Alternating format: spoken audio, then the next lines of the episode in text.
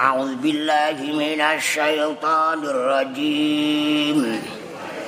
ومن الناس من يتخذ من دون الله أندادا يحبونهم كحب الله. والذين آمنوا أشد حبا لله. ولو يرى الذين ظلموا إذ يرون العذاب أن القوة لله جميعا. إذ يرون العذاب أن القوة لله جميعا وأن الله شديد العذاب. Wa minan nasi lan iku setengah saking manungsa. Eh cara jawane setengah saking sebagian manusia tidak seluruhnya. Eh ing antarane manungsa man utawi wong yattakhidhu kang agawe utawa ngalap sapa man min dunillahi saking sanese Gusti Allah saking liyane Allah gawe ngalap andadan ing pira-pira sing nyekutoni. Kertas sekutu nggih. Kong, rumasane Gusti Allah kebuta kong. Wonten lho nggih. Tapi wong iku wonten sing ngoten. Yuhibbunahum kang padha demen ing man. Eh, sapa man sapa man hum ing andadan. Oleh seneng sekutu-sekutu kahubbillahi kaya lir kadya demene tresnane cintane marang Gusti Allah. Padahal ing mongko walazina amanu dene utawi wong-wong amanu kang padha iman sapa alladzina asatu iku luwih nemen luwih banget apane huban tresnane cintane lillahi namung marang Gusti Allah. Walau yaro lan lamun wis weruh namun weruh ningali sapa alladzina zalamu. Wong-wong wong akeh niku ya wong-wong niku. Zalamu kang padha zalim kang padha ngawur kang padha meletakkan sesuatu tidak pada tempatnya. Il yarauna nalikane weruh sapa alladzina al azaba ing siksa? Maksude siksane sinten? Gusti Allah. Lan roh annal kuwata setuhune kekuatan mutlak. Lillahi ku tetep namung kagungane Allah jami'an sekabehane ora ana sing duwe sama sekali. Engko dheke akeh. Oh mengeluh. Ngeten iki jawabe mboten diketokno ten kene Quran. Berarti kata-kata niki wonten sing mboten diketokno. Lah lek terus maca apa anane napa saged? Yo nek mboten maca tafsir wa annallaha lan rustuhune Gusti Allah.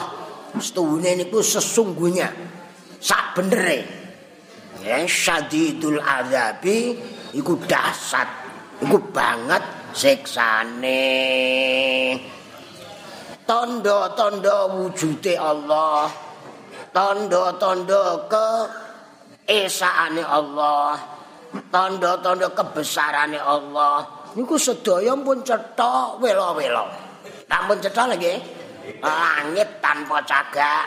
Wong bedereng njaluk udan ternyata ora iso.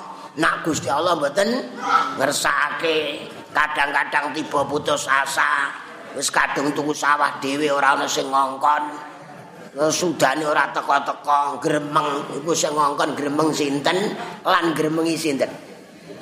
Kok muni mendung tok udan kok cracrit non ngoten iku ngoneni sinten? Udan kok jarene kaya uyah kinjeng napa roh kinjeng uyah non nek dalu ya wis grimes mbon. Wah nyecel ayem terus ora ana neh ya gremeng. Sebulan ndek ngitok lho ngoten niku nak Gusti Allah galak napa mboten digolekno graji es sikat cangkem merah ngoten nggih? Mau wong tua niku lho wong tua tiyang sepo. Kok anak muni niat gawekno omah kok cracrit gelo napa mboten? Gelo mboten? Niat nyangoni kok cracrit. Lho lho lho lho lho ora ngoten Niat omah ya sak perangkate sisan. Onten bocah sing ngoten niku mergo bocah ora kaisenan ngilmu agama. Ya kaisenan ngilmu agama tapi nalika golek ngilmu bensin sing dilebokno nek weteng niku ora diridani Gusti. Kata lain pakanane mboten halal. Hati-hati lho nggih. Wujude kok ana sing pinter, pinter lah mangke dugi mboten dugi swarga.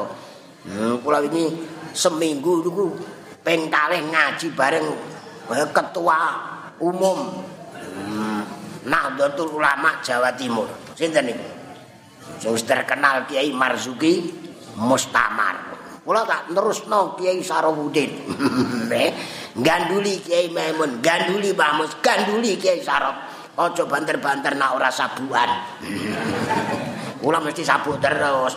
Nggih, nggih. Nggih. Brojol ora. Oh niku ngoten. Oh nu cerita. Wong mondoke kok Arab. Wapal Quran. Nglothok ngungkuli Aceh. Masyaallah ya sarjana. Mbah niku jarene Kiai Mus Marjuki Mustamat. Lho serbane iku keri nek nggone cara mriku teng nggone warung kopi pangkon. eh, urus punya urus. Nalika iku mondoke bensine anak niku lho sing dilebokno weteng niki. Kowe jare.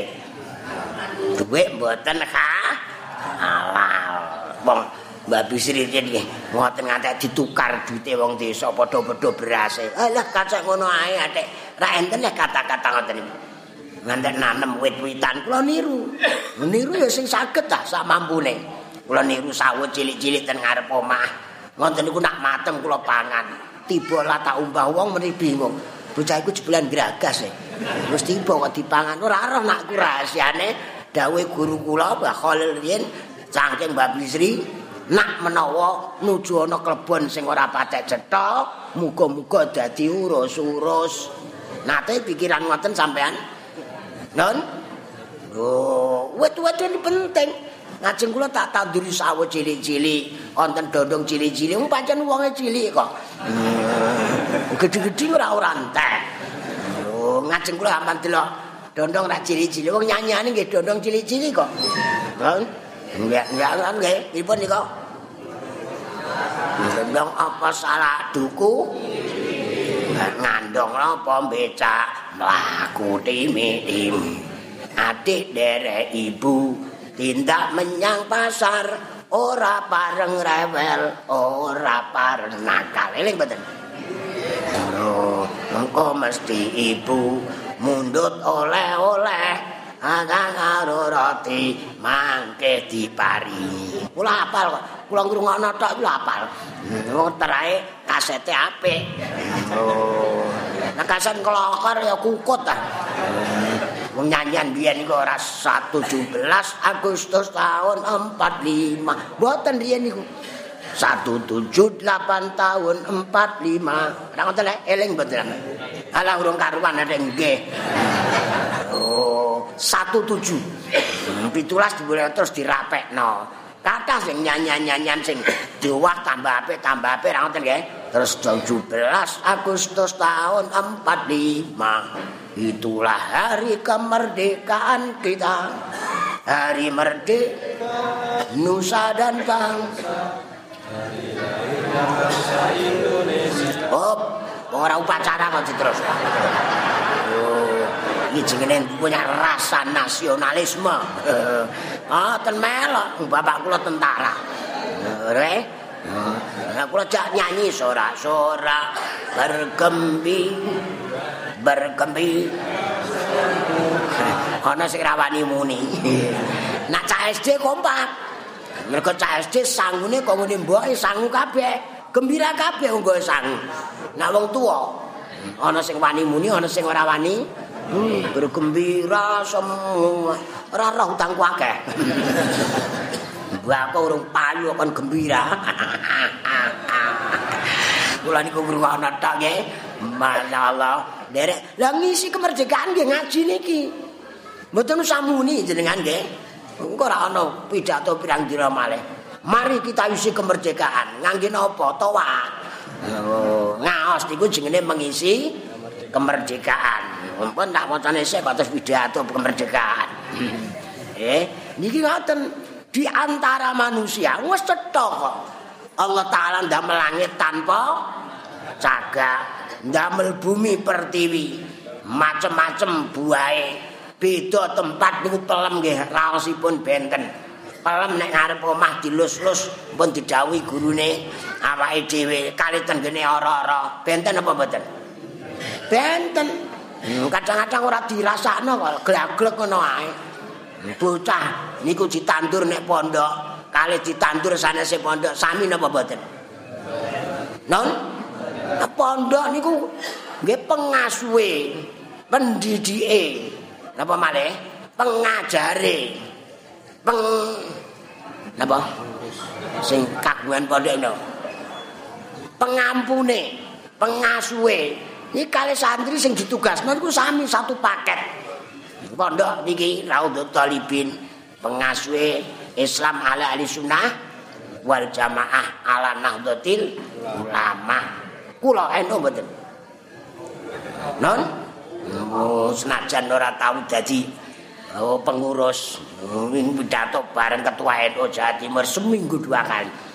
Nyenane bareng ketua umum PBNU Kiai Said Agil Sirot. Nyenane sareng Rais Am kula anggota Am aku ngono. Kali Kiai Miftahul Akhyar NU, sedaya pengurus NU dados satu paket. Hmm, dados sekolah-sekolah sing gedhe. Dosen-dosen niku sami napa mboten sak perguruan niku. Sami mboten. Mboten. Ana sing ngene, ana sing nggih. Ora ampun kaget nak anak bar kuliah mulai kok aja muni-muni mergo gurune mboten padha. Hmm, nak mboten percaya sampean praktek ah. kuliah sedelok ra saged le. Yo niku bentene. Pondok ya dadine sak mepet-mepete tetep surat ikhlas. Ora ana bapake meninggal maca surat kabar. ya Allah nggih. Tapi wis monten menungso sak jagan niku wonten. Mboten kabeh nggih. Ngeten iki nak cara ngaji nahwu, tata bahasa, grammar, gramatika, min ngeten iki jenenge makna tabid. Napa? Muni ya. Makna tabid niku sebagian. Akal tur minar rohib aku mangan sebagian roti di antara manusia mboten kabeh wonten menungso niku sing gawe saingan dhateng Allah. Saingan iku sekutu. Ya nyembah Allah tapi ya nyembah liyane. Wonten mboten jenengan, jenengan salat Jumat to, ya lucu ae. Alca, alca iku luwe lucu. Nggih, niki wonten sing pangke ampun kaget, ya diawasi tok mawon. Oleh seneng kali sekutu-sekutu niku, Masya Allah, kaku bila kaya senenge marang Gusti Allah. Pamane ring punden di ngoten. Rumangsa ngepasi dagangane laris pas delala ring punden. Nggih. Hmm, terus mbok ngipi mbok apa terus punden njaluk juada pasar. Kira-kira ditumbasno mboten? Tumbasno mboten? Nah, berarti yo seneng Gusti Allah, yo seneng punden. Yo, dileng-eleng enten menungso sing kelakuane ngoten niku. Terus waladzina amanu dene wong-wong sing iman dhateng Allah asyaddu hubbalillah senenge namung pol namung dhateng Gusti Allah. Nah sing wau ora mboten. Sosok yo nyembah yo salat. Tapi nak kepepet golek ibrahala. Kepepet golek patung. kepepet goleki dukun nggih mboten ngantek jak jagung karo dukun kok nuju kebenaran cocok padahal mboten niku kebenaran tok kula pun ping pinten dawuh kiai-kiai dhewe nggih dukun niku bener. Pripun niku? Nak 100% sing salah niku 99,9 persen. Turahane niku bener. Upama niku jese upama. Niku mawon kathek ngepasi. Enten dukun terus bener ping telu Mbedek nomor sepisan ora jarak ngono terus ndelik-ndelik nyuwara. Kon baleni nak ngentek cocok tak tukune. Masalah kudu tambah yakin nggih. Nak wong sing padha iman senenge namung nemen seneng dateng Gusti Allah. Pramila enten perkara kalih. Nggih mboten enten sing ngungkuli kelebihane iman datang Allah yang kedua memberi manfaat datang wong Islam. Amla khairun nas anfa'uhum linnas. Mboten khairun nas wong sing salate ngantek ora eling mboten. Sing wonten manfaate dateng menungsa sanes. Nggih nggih. Kali niku. Berarti nak diwalek ya elek-eleke wong.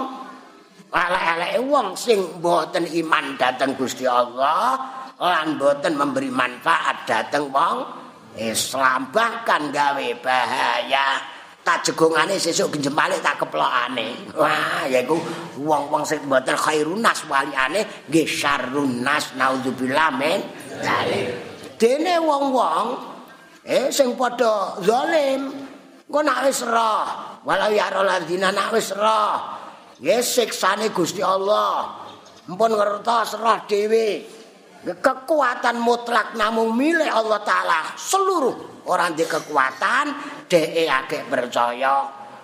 Nah isra saestu Gusti Allah dahsyat siksane agek percaya. Wong Jawa muni nasi sudah menjadi bubur tur ketumplek peceren. Jenengan saged milai bubur pun ketumplek peceren supados balik kados beras malih sego malih Pun nyuwun pinten sampean? Sak miliar tak turuti. Hmm, ngene iki ya mburi sing empletene. Don, don, saged apa mboten? Wong kuno nak mboten saged rajin ngoten ta, ngenteni beling bosok. Wong belajar ora kok ndonga nyuwun ngalim niku ora ngenteni beling. Wong plastik kaya suwe bosoke ora iso bosok sok kok. Napa malih beling? Itu ungkapan sing mboten mungkin cara doire. Ora ngoten eh? Oh niki niki ngaten. Pun dibalik malih diwangsuli nggih di antara manusia wonten wong sing nyembah Gusti Allah tesih ngegulno liyane. Ngono kepepet goleki Gusti Allah malih. Hmm, jajalah wong sing tenggone tukang suwuk napa terus cocok terus. Cocok terus mboten. Hmm, jare iki lho bar sura iki jare taun duda. Buka pakeme. Aku kok urung duwe bojo tak nikah taun duda iki. Non? Non? Sampan ketek kok bar bukai primbon. Ambon, bon. Tambah tambah kae tambah yakin nggih. Wes diwaca terus kok. Jawa wa. Mula sedulur jongler waake butuhe ngaji. Lha niku ikut peresan saking kitab. Nggo ngandelake iman tau. Tauhide. Wae cetate mawon. Tauhid nah gen ketok nak. Oh sangka leteh. Nggih nggih. Napa benten? Benten. Nate niku napa? Ya sate. Ya banter-banter napa iki rada ngantuk nek dalu ten lo gedhe terus pindah ke sian. Niki wau nggih telo gedhe, ngaketno jam 6 jajane mundur naipe. Terus niku peletakan batu ten kene. Nggih ten kene ngesian malih. Niki terus ngantenan malih niku. Iki mangke mulane tak loloni. Dene ana sing kari-kari sithik ya muga-muga entuk turahan. Itu saja kok repot ora ana absene mawon kok. Napa perlu dipasang tet ngoten? Wong di agama tua-tua kok dikai tet.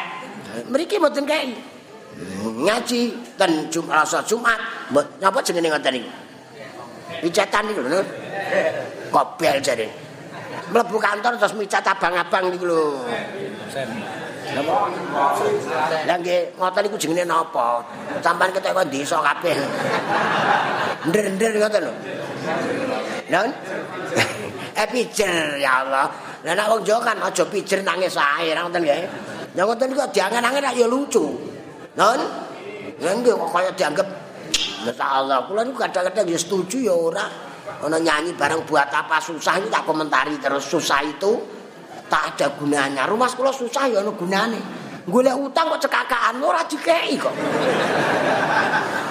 Brembek-brembek. Ya Allah. Anak kula yo ngono tok lho. Anak kula apa? Ora mboten diterusno lek. Anak kula lho ngono tok susah apa ora? Ngemis barang sekilit ke tape. Gen kita disakeni wong. Penting. Wong Kanjeng Nabi nggih perintah Sayyidina Ali kan susah cetha kitabe niku.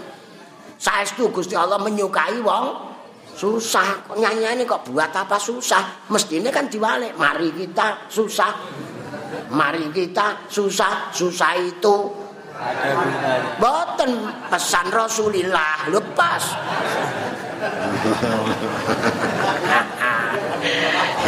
Cocok ya nggih? Cocok dene sampean ragu gak sampean dhewe. Ya Allah nggih. Niku kula angan-angan tak gathuk-gathukno Nek iki ya ana wis mulai jester alun-alun nyanyi berkibar lah bendir kula nggih komentar bojo kula kok komentar terus? Ya duwe cangkem kok yang aku. Nih siapa berani menurun? Nah rantene nyanyian niku sesuk-esuk dikerek sore-sore kok didono lha kok wani nggon kowe tambarno kok rusak tuku neh. Cinta kok ngerti nggih? Nggih Sampan iku kadang ngrungokno kula ya gregeten tapi seneng. Mungkin apa mboten? Maju tak gentar. Bareng ditulis nang mburi trek guyokno wong. Tiwas tak waca tenanan, maju tak gentar. Mundur tak ganjeli. ya Allah nggih. Ayat iki dieling-eling nggih. Ngeten iki terus mundak ngeling. Eh jebule nek ana wong ngono ya ora kaget ana. Oh, Dan buatan kabeh di antara manusia. Tanda bukti keagungane Allah pun cetha. Naiki ana udan be ora ana udan, hak mutrake Gusti Allah. Ya ndonga. Dene ndonga ya aja ngantek nyinggung kanca. Angzil alaina rahmatan minas sama. Tapi aja jejer wong gawe uyah. Dene ngura garuk Allahumma skina. Eh, cangkeme sing apik. Ora peyo kok. Tersinggung mboten? Mulane kula ngono iki hati-hati kok. Wong kula ngaos ya ana yene mboten nate ndonga muga-muga Indonesia diparingi murah sandang, murah pangan. Kula mboten wani. Upama niki muga-muga murah sandang, murah pangan, kula mboten wani. Mergo wong wedok iku ana sing dodolan. Ora bantah, kowe ora roh kulaku kok ndongakno murah. Oke. Ngono iku nak undang mbako murah yo gremeng kok. Lah enake pripun? Muga-muga Indonesia larang sandang larang sepakat. Lemane, bingung-bingung nak ora ngaji. Napa dirinci? Nak kula tuku murah Gusti, nak adol larang. Kok nggih lah kabeh ndongane ngono kabeh kok. Berarti ndonga kula pun ping kakal nggih. Ndonga niku ibadah. Kasil ora kasil hae Gusti. Allah tetep terus. Ndonga ora do mulah-malah eh. Nah sesuk ditagih utang ya ngene ya muni ya ngene ya muni. Ala cangkemmu. Dikala iki boten kok ngoten nggih. Niku ajeg. Wali-wali ora ajeg lah. Ilahi lastulil firdausi ahla niku ajeg diwaca Imam Abu Nuwas niku awake dhewe ra ngulang-alang kowe tok ijazah kok iki? Waca sesuk ora iso nyaur utang. Genjot nganti sewengi. Bojone ngatunge disamplok kok. Ora ngerti nyak nyenggol bojone iku entuk. Ganjaran. Demek bathuk entuk. Ganjaran. Ngisor bathuk. Lu kok entuk ganjaran tambah. Wong dhewe atos karo empuk. Sing tuwa kelamat-kelamat lagi ini. Ngono ya tau enom adek Dhisik ya ngengkeki aku ate. Saiki kendaraan tak panas-panasi. Tenang mawon, Mbah. Nggih, nggih. Ya pol pol bayem ate. Pun nggih. Nak pancen leres-leres wong sing iman dhateng Allah, niku senenge sing paling pol ya namung Gusti Allah. Selain Allah, wis ora ana sing disenengi. Oh niki, lah wong sing ngawur, meletakkan suatu tidak pada tempatnya termasuk wong sing wau musyrik nggih ya Gusti Allah ya liyane Wis kepepet pet tak goleki Gusti Allah. Ya Allah, wong kok kepepet ngeten. Iku ngabari napa ndonga? Kula urip kok ngeten Gusti. Sing gawe iku aku. Kowe iku tak coba engko nek tak kei kok gremeng tak uncalno tengah-tengah awang-awang ora medun ra munggah urun sampe. Nek ngaos niku gunane ngoten. Ora ngoten nggih? Nggo ngandelake iman tauhid bagus sesamu amulya matine bagus sesamu mulya enten-enten omah direnggo rengeng-rengeng ah gen supaya garwane ora kakan online nggih Nggih, angger nyekel HP jejeri. Bagus. Ora geblepeken. Ngene iki ya tak lakoni tak kaya bojo kula. Angger dijejeri ngaleng-ngaleng jejeri bojone je. Engko lha nek mau kan jejeri PK. eh, upama iku ya neten Indonesia ra ngeten iki nggih. Ya Allah. On, lah wong sing zalim niku mangke dhek percaya iku nampun roh bukti langsung. Padahal ya ana ya ini diwaos surat Baqarah, diwaos ten ngene tahlilan. Mulai alif lam mim. Zalikal kitabul la raiba fi hudal lil muttaqin alladzina yu'minuna bil ghaib. Wong sing muttaqin iku wong sing percaya barang gaib. Padahal nek ditunjuk liyane nggih percaya. Weteng kula enten ususe percaya mboten? Mbok nate roh, Bu. Non? Lah kok ngerti nak usus? Ya nari brandil. Ya nak rapia. Lho kok percaya nak ngoten niku? Usus sembiye? Lho, ya nak usus, nak rapia. Lah ngoten niku jenenge percaya barang gaib. Lho kok takok swarga neraka? Ngoten niku ora dijawab ya gregetno.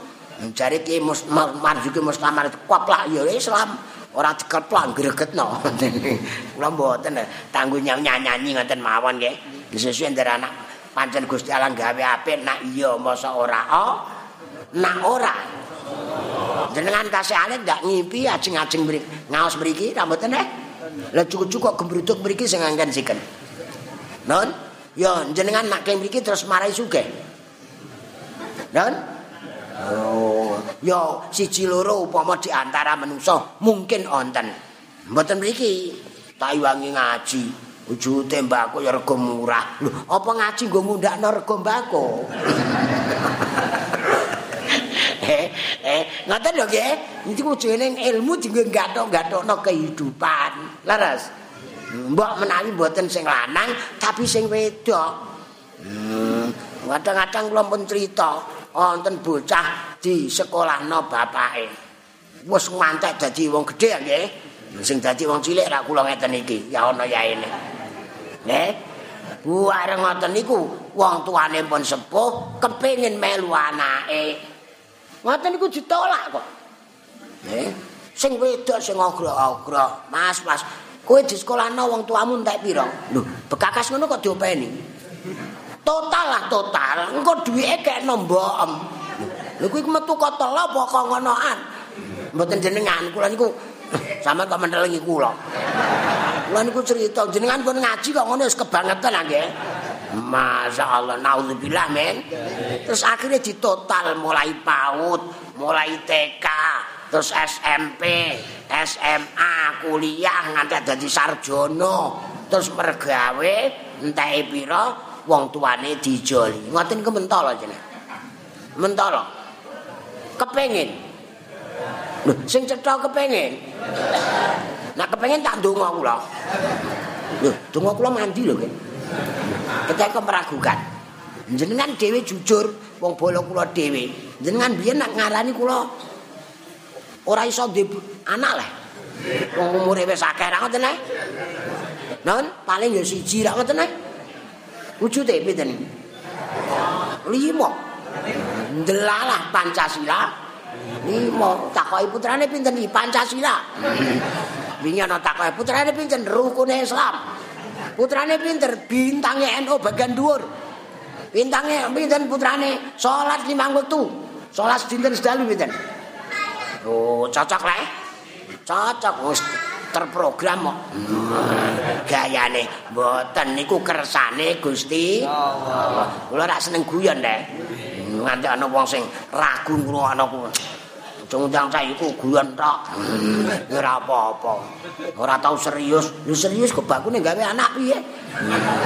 Gawe anak ora serius yo meleset, Kang.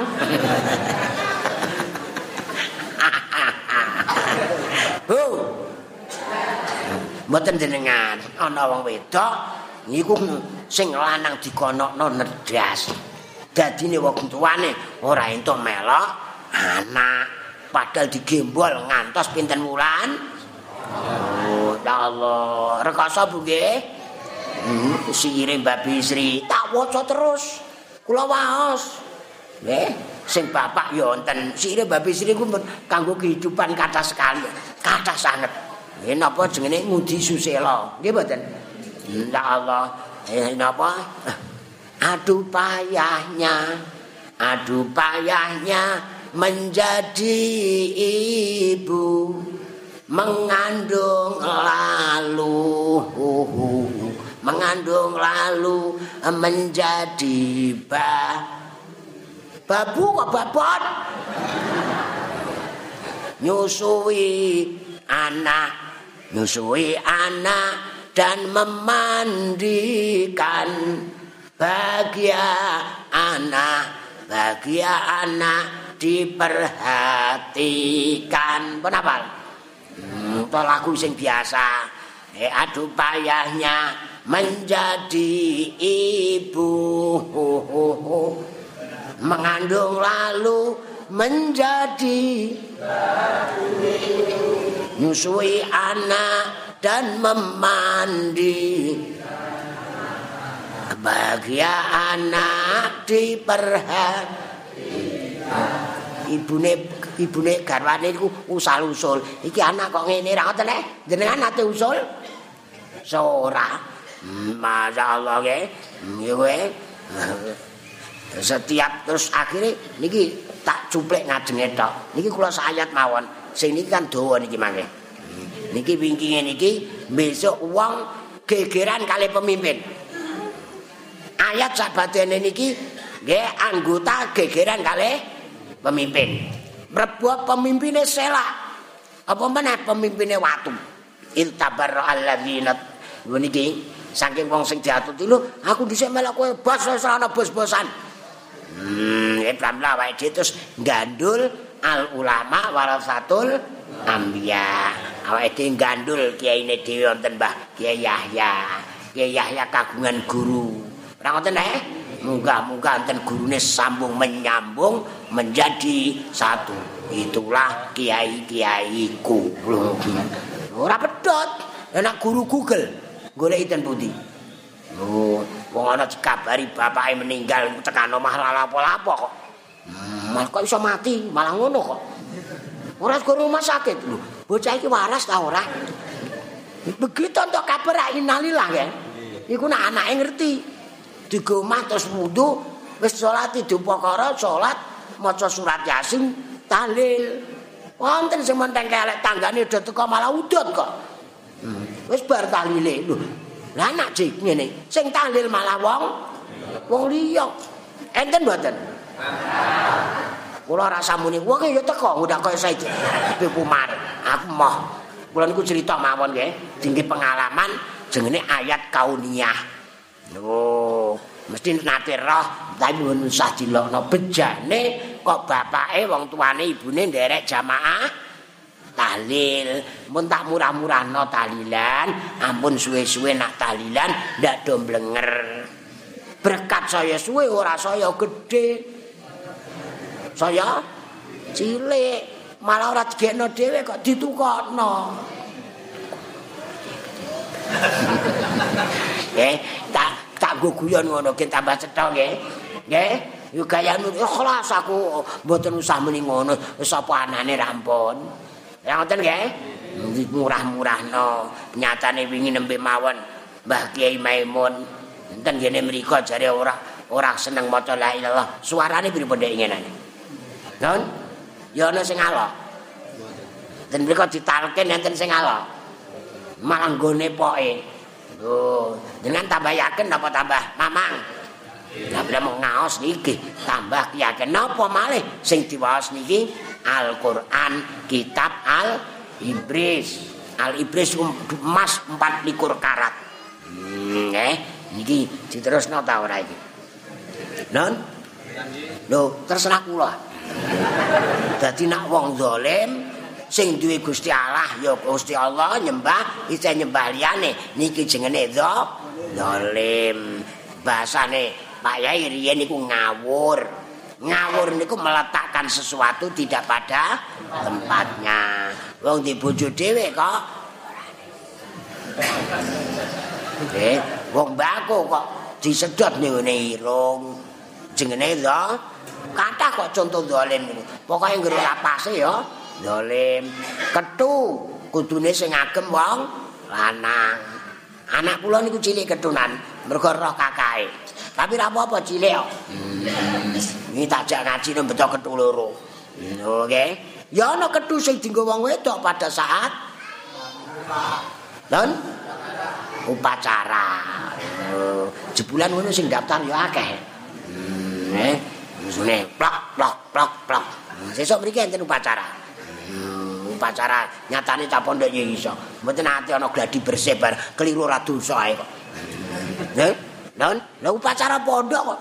Mosok kon ngono bareng. Iki sing gedhi wis rabi, kare cilik-cilik suarane mbok piye sesuk iku. Dadat dadat dadat dadat dadat dadat takon tenan. Ya, blek kejukur, blek kejukur. Kejukur sumur.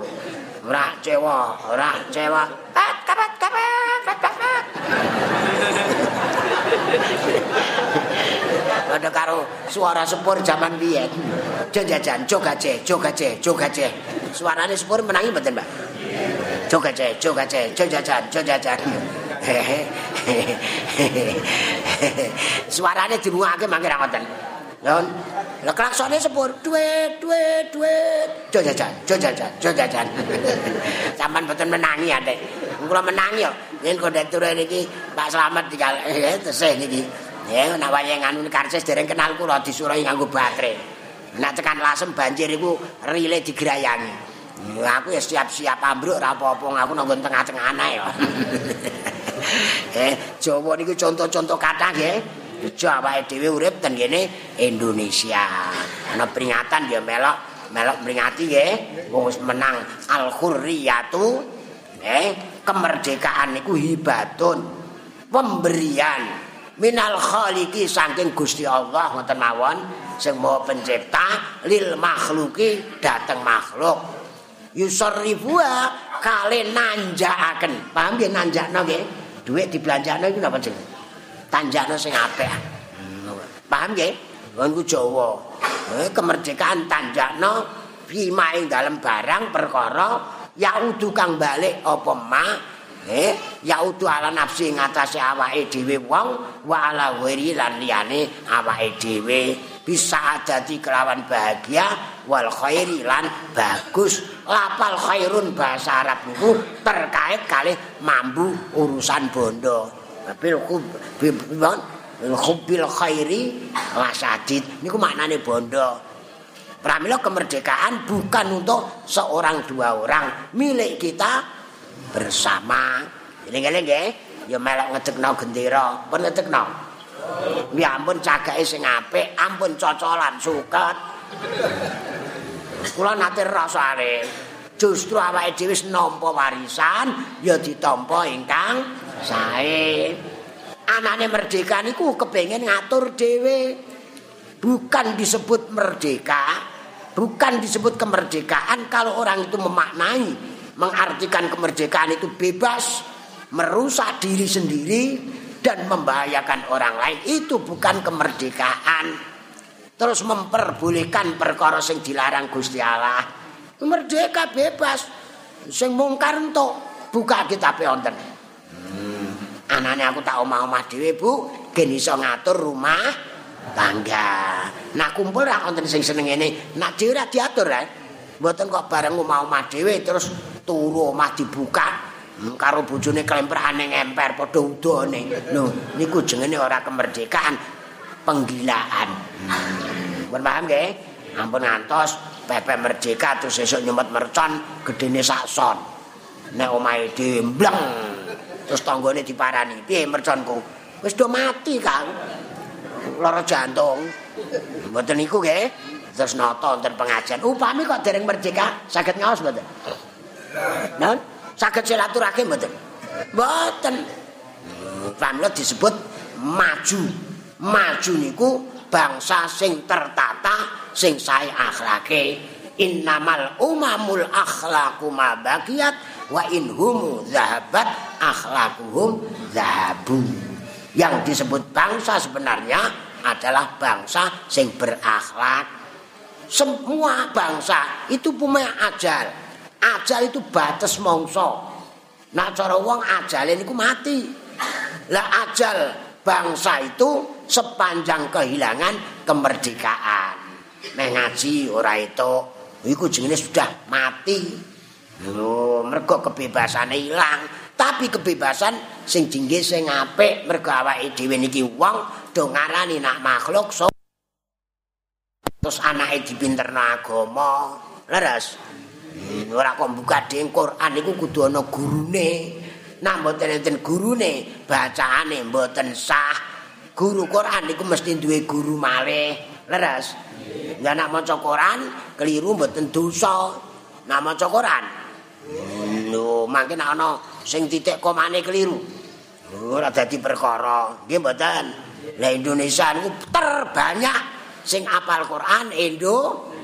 Islam sing paling akeh sak negara Indonesia. Sing paling praktek ngamalaken keislaman sing apik Indonesia. Jenengan goleki ten Mekah enten pengajian Selasa Jumat. Ora ana paring bar nek masjid bar salat iku ning ngene saka-saka niku. Nggih. Oh ten ana Selasa ana Jumat iki ana malih akad iki ana dalu iki ana kumpulan RT ora ngoten eh Masya Allah tidak dimiliki oleh negara lain. Namun ya bancak-bancak ibu kalau jak kirimi fatihah, nak buat menawa jeng-jeng itu sing buatan melok upacara. Nak melok mengeningkan cipta mulai dingklok kali kirim fatihah sing iman. Mergo iman niku wadah gan ganjaran. Ngamal apik monggo orang di iman, tapi ganjarannya mboten entuk. Mergo mboten duwe wadah. Udan gede nadoh. Nggih kecang gawa ken. Ken? Kenceng. Betul sum kenceng jani ada sing digo jenang bayan biyen niku lho. Entuk banyu. Wape dong ngono aku nggawa ombo kok tampah siji malah teko nggawa ombo ayahan gabah. Esuk-esuk ditinggal turu. Nggonku kok ora ana banyune ya ora ana mergo nadonge nggawa ayahan gabah ayahan kopi sing nggo kencing tok banyu mayak-mayak nak oleh nado nganggo sarong Oh, senajan sithik diperes metu banyune senajan rada apek. Lho ngeten ya contoh Jawa lah ngeten iki. Kepepete nderek ngaos niku eh sedikit sithik-sithik niku wonten sing nyantol. Nih muga-muga nak ganjaran niku muga-muga entuk sedaya. Wong dawuh Kanjeng Nabi hadir ten majelis ilmu. Kanjeng Nabi mboten nambahi embel-embel kudu melek ra mboten eh. Ngantuk ya monggo, wong dek dalu bar nunggu rimbako monggo. Yo, ora enak le. Yo, kula nderek ndongaaken, kula otomatis ndongakno jenengan. Mergo kula dhewe nggih rokok kok ngantuk. Sapa iku?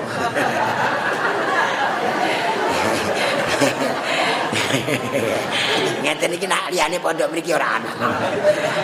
Wis kompak kok nggih. Ngantung bojo kula mboten nate ro ngantuke kula. Jenengan pun nate kula critani rek. Bojo kula niku gumun, kula ora tau ngantuk. Ya langsung turu lah nggih. Ning mobil iku kakak kula ya mboten nate ro ngantuk. Mergo ngantuke kula titipno wit wit pelem sing ten ngarep omah. Wit sawu kula titipi. jenengan tak gadah le. Nur cahya manik maripat. Uripku tan kena turu. Ora turu sukmaku biar padang kaya rina. Jubril ahli kamplek ngantukku tak titipno wit pelem sing ning ngarep omah. La ilaha illallah Muhammadur Rasulullah. Wes, sama tak ya. Tamu kula jam telu ya ana ngenane, jam loro ya ana, pajar ya ana. Nek dalu teko jam pira wau, jam 5 ngantenan malah mun berangkat ditekan gone kesasar kok sangkrah. Desa kok sangkrah nyasarno wong. Ngantene urung teko kula wis tekan gone. ngene sempat umbah-umbah sik. Lho, nggih. Nggih. Hmm, ngene ku jarene nak anu kok nyontoni, tak contoni umbah-umbah. Ya sampean do ora gelem nyonto umbah. Umbah, malah aku dilokno iki kok umbah-umbah piyambak. Jaman ten pondok. Lah dicekelne umbah-umbahno ora ya apik lek. Tapi kula mboten wani bantah biyen. Hmm, terus muni golek bojo ayi kenapa kan umbah-umbah. Lho bojo kok kan umbah-umbah mbok eman. Hmm, jenengan umbah-umbah Bu. Ampun purun. Tegasno sisanae. Ben tekan omah geger ya wis. Wedok sik kono mbang-mbang kok tangane ra dong loto. Nggih, Bu. Ampun purun nggih. Ya kenging umbah-umbah nak kantonge sak ana duwite. Wong kula mawon ten jero, tak pindah ten jaba niku mawon tak kei dhuwit. Hmm, bojo kula imbe mboten mau dhuwit. Oh iya piye? Padahal tak isen. Sampan nggih mboten nate ngoten. Ah, lanang kok diceh. Nah, ten mriki do senenge ngeten nggih. Niku nyocokno dawuh Kanjeng Nabi ten majelis pengajian niku ten ngene swargane Gusti Allah. Pramila do seneng sedaya. Sampan nate petuk kiai mrengut enten. Kiai susah. Gak sedosoan kiai. Kiai ini susah nemen. Jane rak sami lah. wong marani iki jenengan ngenana ana wawancara ya hmm, hujan-hujan dari digoreng Jakarta pertanyaan pertama itu enak gimana? Pesantren menghadapi globalisasi. Loh kula nggih lho kok globalisasi? Tambahi globali tahun saja ndak apa-apa kok. Wong iso guyu berarti wis main. Dunia niku ngantek kiamat tidak mungkin keluar saking al Quran global kuwi mboten mriki wonten sedaya. Ayat napa mawon pun enten. Ndak ngoten nek. Pramila ngaos Quran niku mboten pernah selesai. Al-Qur'an niku sego gara pramila kula ngantek ora wani boyong. Hmm, mergo ilmune kurang terus. Non? Yo, mondok kok boyong ya berarti wis pinter. Kula mboten kok. Hmm, tetep nang kene.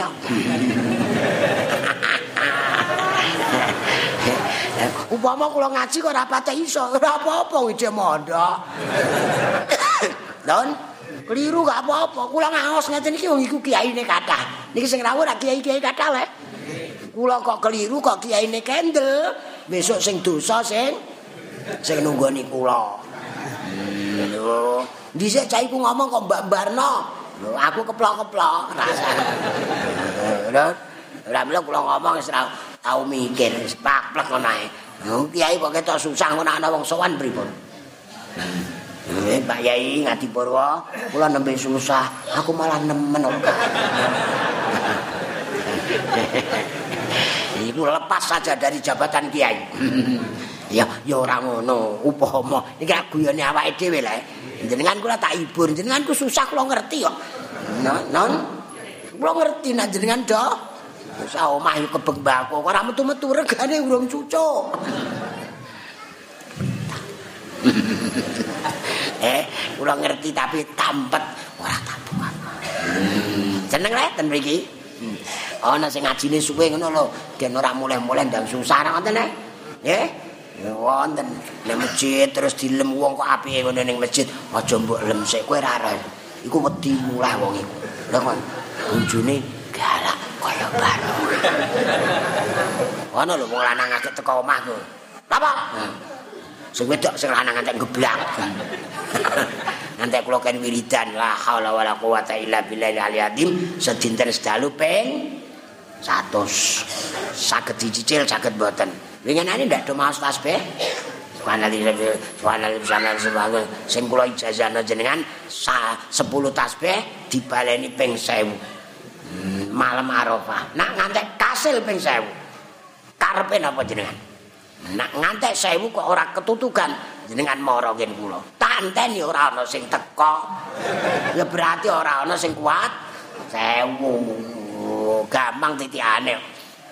Iki kula akeh tigang dosa wis mbriyet ya terahe kowe ora kelas wong sugih.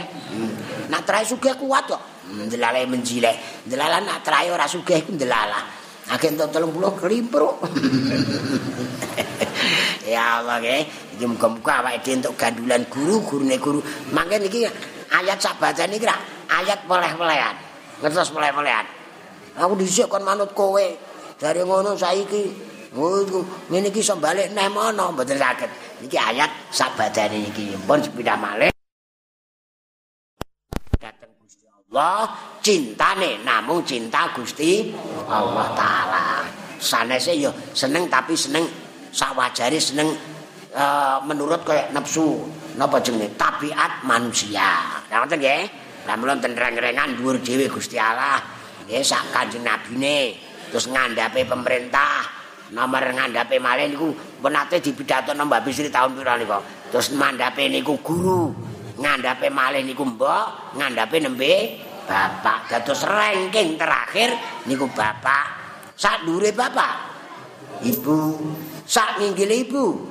Guru, sak nginggile guru. Pemerintah, sak nginggile pemerintah. Gusti Allah. Mbak Bisri nak nyontohno ngoten. Bapak ngongkon tuku rokok, Cung. Terus mbak mboke, cung jipono banyu tak ngene cewek. Dimenangno pundi? Menang banyu. Banyu agak kurang sithik wis tekan cedak terus ndadalah gurune perintah. Cung aku tukokno ku banyu sereno mara kiyaine. Kiai akhirnya ngono dadakan pemerintah ngomando perang, melok perang. Nembe perang ana azan. Oh, ora kok terus mempertahankan. pacar-pacar antek speaker pirang-pirang salatu khairum minan naum udan sisa natis udan pertama jika mloi garwane umume wong boten jenengan niku mempertahankan penggambloan napa nututi as-salat kaprahe wong. Oh berarti nek ana sing nututi berarti ora umum.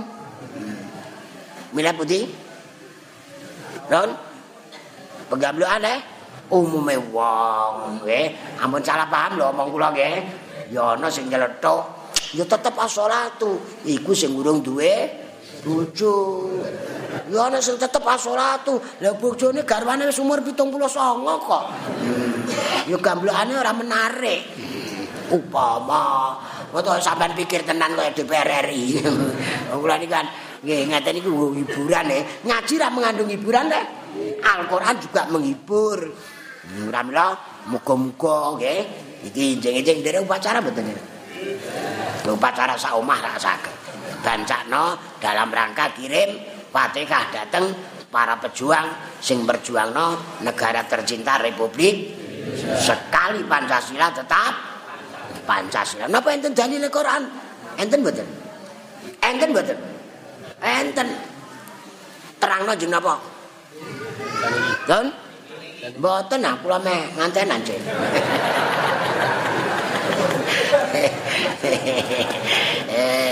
Eh, atre, kula ngertos jenengan pun ngertos kok. Iku ora ngetes kula ngono jajal takone terus-terus ta ora saiku. Wong sampean iku kadang-kadang yo nglulu kula ate. Wis terusno terusno sak kesele cangkemmu. Kula ngertos dhewe. Mergo kula nggih merdeka, nggih jenengan nggih gadah kagungan kemerdekaan. Meskipun saya manfaat kemerdekaan saya, jangan mengganggu kemerdekaan orang lain. Jangan pun merasa kedangan ya Bu Terganggu nggih? Mboten jenengan yang mengganggu kemerdekaan saya.